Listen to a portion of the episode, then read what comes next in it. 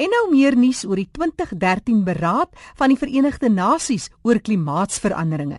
Die beraad het verlede week in Pole geëindig en in ons insetsel oor volhoubaarheid kry ons terugvoer van wat by die beraad bespreek is en Susan Stein kyk na aanleiding hiervan na die groot invloed wat die wêreldwye probleem reeds op ons Suid-Afrikaners se lewens het en meer spesifiek in die landbou en ook die veranderinge in ons weerpatrone. Kom ons sluit aan by Susan.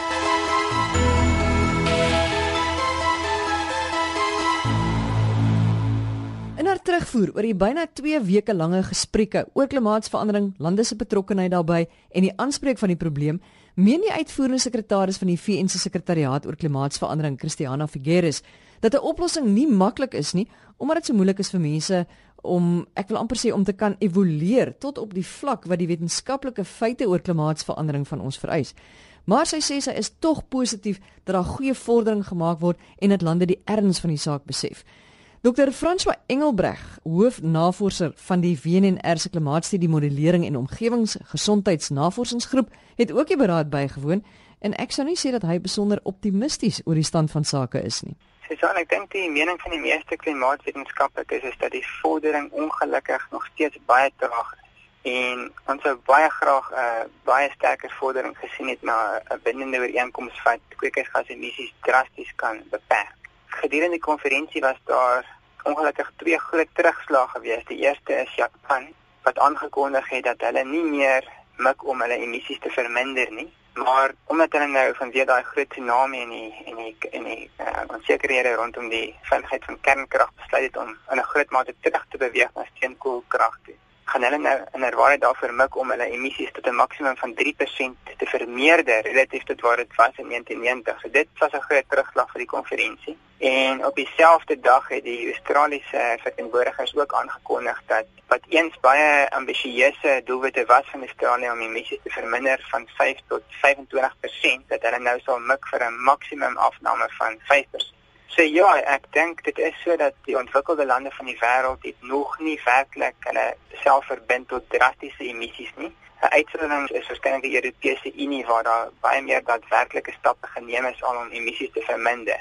Aan die ander kant sit ons dan met die ontwikkelende wêreld wat nog steeds die voordele probeer put uit die fossielbrandstowwe en Die basiese argument is maar dat groot dele van die ontwikkelende wêreld het nog nie die voordele uit hierdie energiebronne gehad wat die ontwikkelende lande van die noordelike halfrond al reeds gehad het nie en die ontwikkelende lande voel hulle is nou ook geregtig op hierdie voordeel. So hierdie is groot fundamentele probleme ehm um, hierdie een van die ontwikkelende wêreld en aan die ander kant die groot ontwikkelende ekonomieë want natuurlik nie hulle ekonomieë skade doen deur vinnig drastiese afnames in die fossielbrandstof wat hulle gebruik te bewerkstellig nie want daar gaan natuurlik ekonomiese gevolge wees wat so drastiese verandering in die energiebron. So dis eintlik baie baie groot fundamentele probleme wat uitgesorteer moet word by die groot Verenigde Nasie konferensies oor klimaatsverandering. En 'n baie belangrike punt is dat daar net voordeel vir 'n land wat emissies verminder as al die ander lande ook emissies verminder. So as jy in jou spesifieke land kostes aangaan om sinema te beweeg van afhanklikheid van steenkool na hernubare forme van energie en al die ander lande van die wêreld gaan nie ook daai kostes aan nie. Dan beteken dit die probleem van klimaatsverandering gaan jy nog steeds affekteer en jy het ekstra kostes in jou ekonomie ingebring. So dit is werklik 'n baie baie moeilike ooreenkoms om te bewerkstellig en dit is werklik 'n 'n probleem van globale omvang. Want so ek wil nou vir jou vra oor ons weerpatrone in Suid-Afrika en hoe klimaatsverandering dit alles beïnvloed. Maar wie of wat is die skuldiges of die oorsaak van klimaatsverandering. Corlie Pretorius is 'n senior programbeampte van die VN se omgewingsprogram in New York. Ons het verlede week met haar gesels oor die watersituasie. Corlie, wie of wat kan ons almal blameer? Dit is eintlik 'n baie maklike vraag, maar dit is uh, polities baie moeilik om te antwoord. In die onderhandelinge, nie klimaatsonderhandelinge, is daar definitief erkenning dat van die ontwikkelde lande het reeds 'n groot hoeveelheid koolstof die lug ingestuur en het reeds hulle ekonomie op 'n sekere pad ontwikkel wat koolstofintensief is. En baie van die ontwikkelende lande, veral die kleiner lande en die arme lande, het nie daai voordeel uit ekonomiese ontwikkeling nog kon put nie, maar ons almal dra die las van klimaatsverandering. Hoe dit ook al sê, vandag dink ek is dit ons almal se verantwoordelikheid en ons almal het 'n baat met suksesvolle onderhandelinge met die teenkamping of die versagting van klimaatsverandering. Maar is die mens die enigste skuldige of die enigste oorsaak?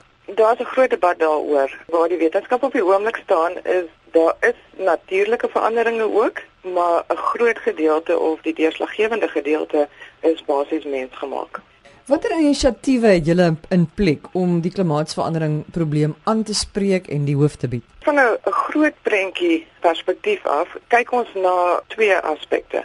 Die een is versagting, so dit is om die huidige tendense van die hoeveelheid koolstof wat vrygelaat word te beperk en dan die ander een is wat mense noem aanpassing of adaptation. In terme van versagting het ons baie werk gedoen om te kyk na die verandering van die ekonomiese ontwikkelingspad na 'n lae koolstofpad. So wat dit sal beteken is om meer hernubare energie te gebruik, om minder besoedeling die lug in te jaag, om publieke vervoerstelsels aan te moedig om so die vrylatings in die atmosfeer te bekamp. In terme van die aanpassing kyk ons natuurlik na hoe ekosisteme gebruik kan word om mense te beskerm teen die impak van klimaatsverandering. En 'n voorbeeld hierso is in kuszones om seker te maak dat die kusstelsels sodanig is om stede en kusgebiede te beskerm teen vloede of siklone en die tipe van dinge. Maar Corlie, hoe graag werk hierdie groot moonthede mee? Want Amerika is nie baie gretig om te verander nie. Wou Japan nie juis hulle koolstofvoetspore bietjie groter maak nie? Ja, dit is baie moeilik regtig om om dit te adresseer want mens moet jou indink om tussen 193 lande ooreenkomste te bereik is redelik moeilik want almal het verskillende stadiums van ontwikkeling, verskillende tipe ekonomiese strukture in terme van die intensiteit van koolstofgebruik of die vlak van ontwikkeling en ook verskillende grootte van hulle bevolking en sosiale behoeftes waarna hulle moet kyk. Ons is baie optimisties of ons is vol baie sterk en ons wil optimisties wees dat ons moet 'n ooreenkoms bereik. Die volgende regtige krisis tydperk waar dit bereik moet word sal in 2015 wees wanneer die klimaatsverandering onderhandelinge in Parys gaan plaasvind. Corrie Pretorius, dankie. Corrie is die senior programbeampte vir die VN se omgewingsprogram in New York. Nou terug in Suid-Afrika is dit 'n feit dat klimaatsverandering regtig ware invloed op ons begin kry. Een van die pilare waarop ons samelewing en ons voedselsekuriteit rus, is landbou. En Dr. Ilse Trautman, wat die hoof is of die hoofdirekteur is van Navorsing Wes-Kaapse Departement van Landbou, het my nogal laat dink oor die invloed hier by ons wat klimaatsverandering op ons boere het. Dr. Trautman. Susan, ja, die gebeure van die laaste maand in landbou was redelik dramaties. Ek sien dat die Noord-Kaap en ook ander provinsies gebuk gaan onder intense droogte, die ergste sedert 1933.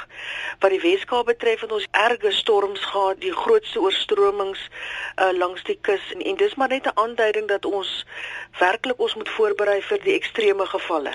Maar storms en droogtes nie maar goed wat periodiek voorkom nie.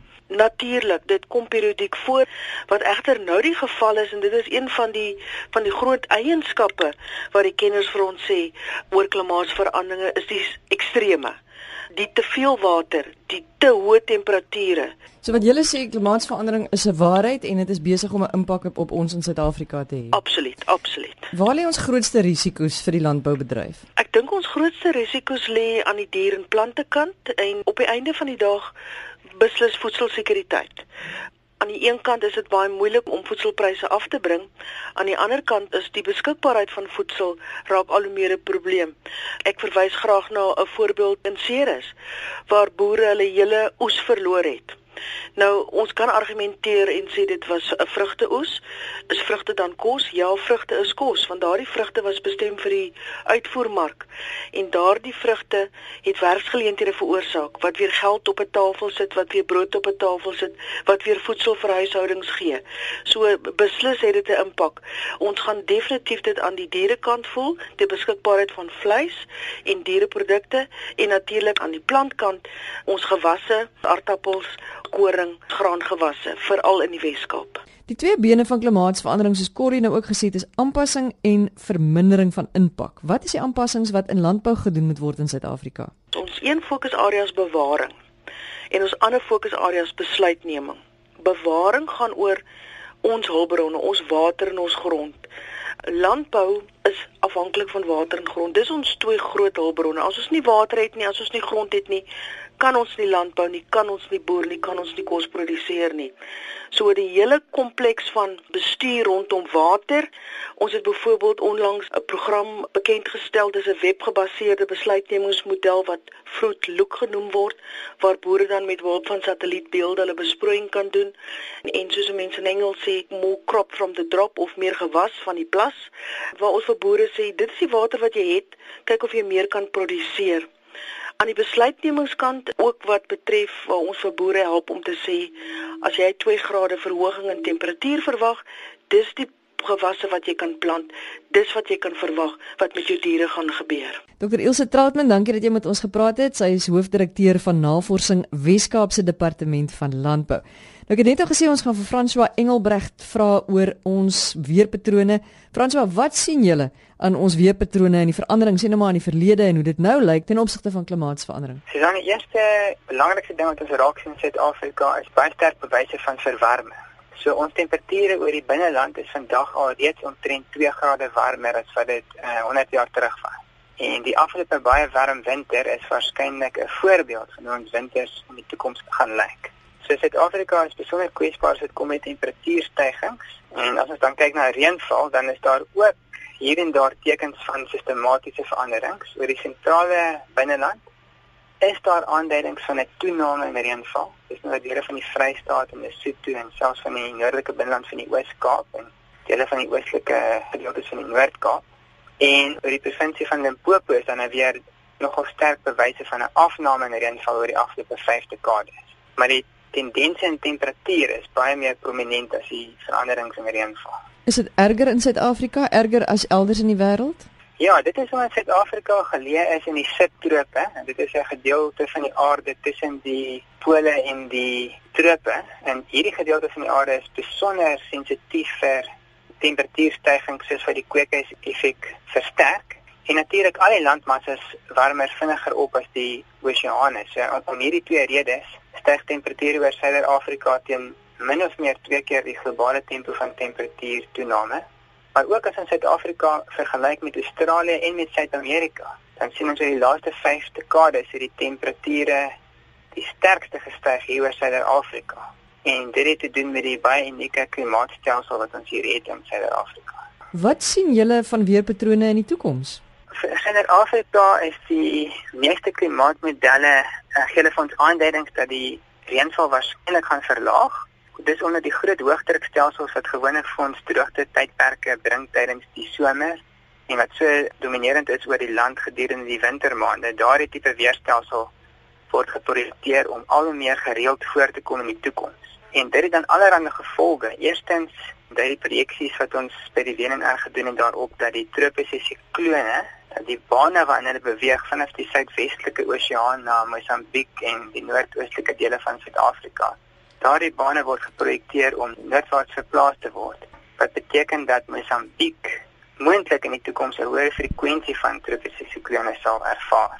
En terselfdertyd is hierdie versterking van die hoëdrukgordel besig om daartoe te lei dat die koue fronte wat die winterreënval bring uit die Suidwes-Kaap poolwaarts verplaas word. So die gevolg is dan 'n gewaartgaande afname in winterreënval wat geprojekteer word vir die Suidwes-Kaap en die Kaapse Suidkus. Frans, hoe bekommerd moet ons raak? Susan, ek dink daar is baie diferente tot kom is van soos wat die mense op die oomblik aan die gang is, is die kweekhuisgaskonsentrasies besig om geweldig vinnig toe te neem. En op die oomblik is die al die internasionale pogings om die kweekhuisgaskonsentrasies te probeer verminder of die tempo van emissies te verminder val op 'n globale skaal. Nou die hoekom dit so is belangrik is vir Suid-Afrika is juis omdat ons streeks klimaatstelsel so geweldig sensitief is as dit kom by temperatuurverandering. So mense kan so 'n rowweg reël volg dat as die globale temperatuur sou styg met 2 grade, dan styg die temperatuur hier oor ons binneland met omtrent 4 grade. En dit is wat die internasionale prosesse op die oomblik probeer bewerkstellig is om die globale temperatuurstygings onder 2 grade Celsius te hou dit is baie baie moontlik dat ons nog in hierdie eeu 'n 3 grade globale stygings in temperatuur gaan sien. En dit beteken min of meer 6 grade temperatuurtoename vir groot dele van Suider-Afrika. Wat 'n geweldige toename is. en wat wyd verspreide impakte gaan hê op verskeie sektore. Dr. François Engelbreg, baie dankie. Hy is hoofnavorser van die WNR se klimaatstudie modellering en omgewingsgesondheidsnavorsingsgroep. Onthou al ons gaste se besonderhede is op RSG se webwerf en volgende week kyk ons na projekte in die wynbedryf om alternatiewe energie te skep. Die bydraes versorg deur Susan Stein in Kaapstad.